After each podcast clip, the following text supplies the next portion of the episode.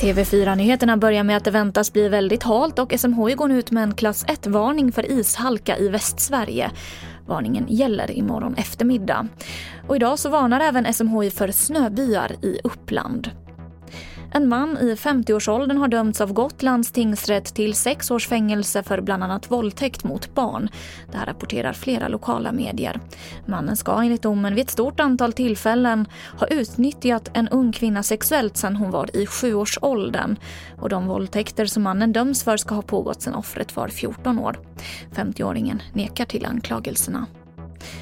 Och till sist ska jag berätta att det skadliga bullret till havs måste minska. Det här slår nu miljöminister Isabella Lövin fast vid efter nyheternas rapportering om att fiskarter hotas av ljudet från fartygstrafiken i södra Kattegatt.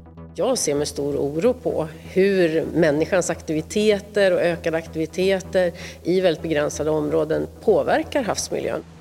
Och det var det senaste från TV4 Nyheterna. Jag heter Emily Olsson.